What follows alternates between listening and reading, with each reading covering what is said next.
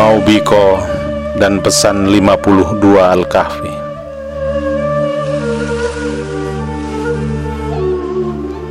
Engkau adalah tetes hujan yang jatuh di atas sungai.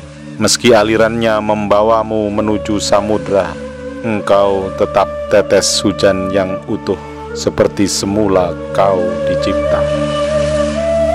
Atau sebaliknya Engkau hilang Melebur menjadi sungai atau musnah di samudra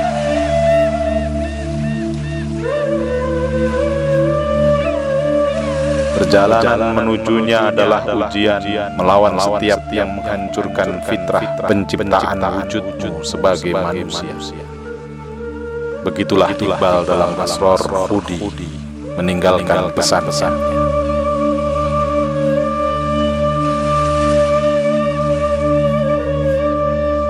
Lalu Al-Kahfi mengingatkan, Wajalna bainahum maubiqah kami ciptakan di antara mereka sesuatu yang menghancurkannya.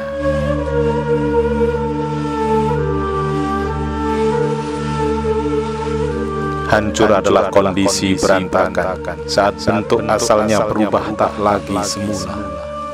Sebab itu, hancurnya hubungan adalah cinta yang berubah benci. Karena itu, Hancurnya amal adalah letih yang tak memberi apa-apa benar jika hancurnya manusia adalah hilangnya kemanusiaan dari dirinya. Sangat tepat bila hancurnya akhirat adalah dunia yang dihias angkara dan nista. Karena itu, hidup-hidup adalah perjuangan melawan kehancuran.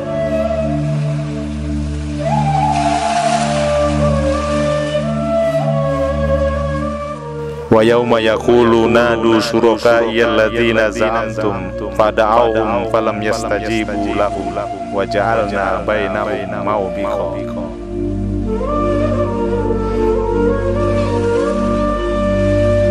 pada hari pembalasan saat orang-orang yang berdosa diperintah agar memanggil mereka, memanggil mereka yang mengganti Allah sebagai sandaran, para pendosa itu memanggil-manggil mereka Tak satu jawaban pun terdengar meresponnya. Lalu kami datangkan kehancuran bagi keduanya, mereka yang mujrim dan mereka yang dijadikan harapan dan tempat bergantungnya.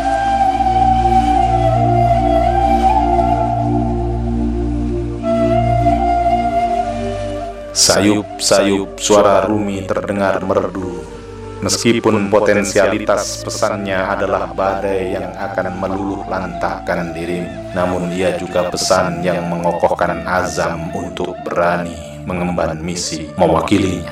Anta lasta kotrotun fi mahid, antal mahidul adim fi kotrotin.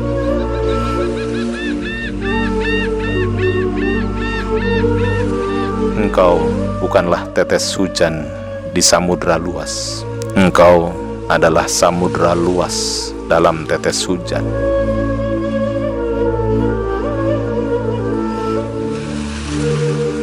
Kulu syai'in fil kauni mawjudun dakhilika.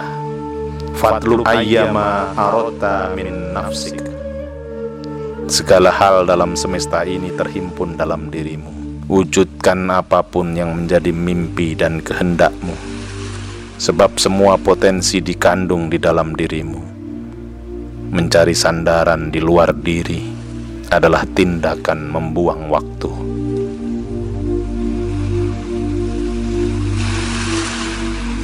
Itulah kenapa engkau khalifah yang dipinjami kehendak bebas, juga potensialitas untuk mencipta, tapi juga kekuatan untuk berbuat rusak dan aniaya.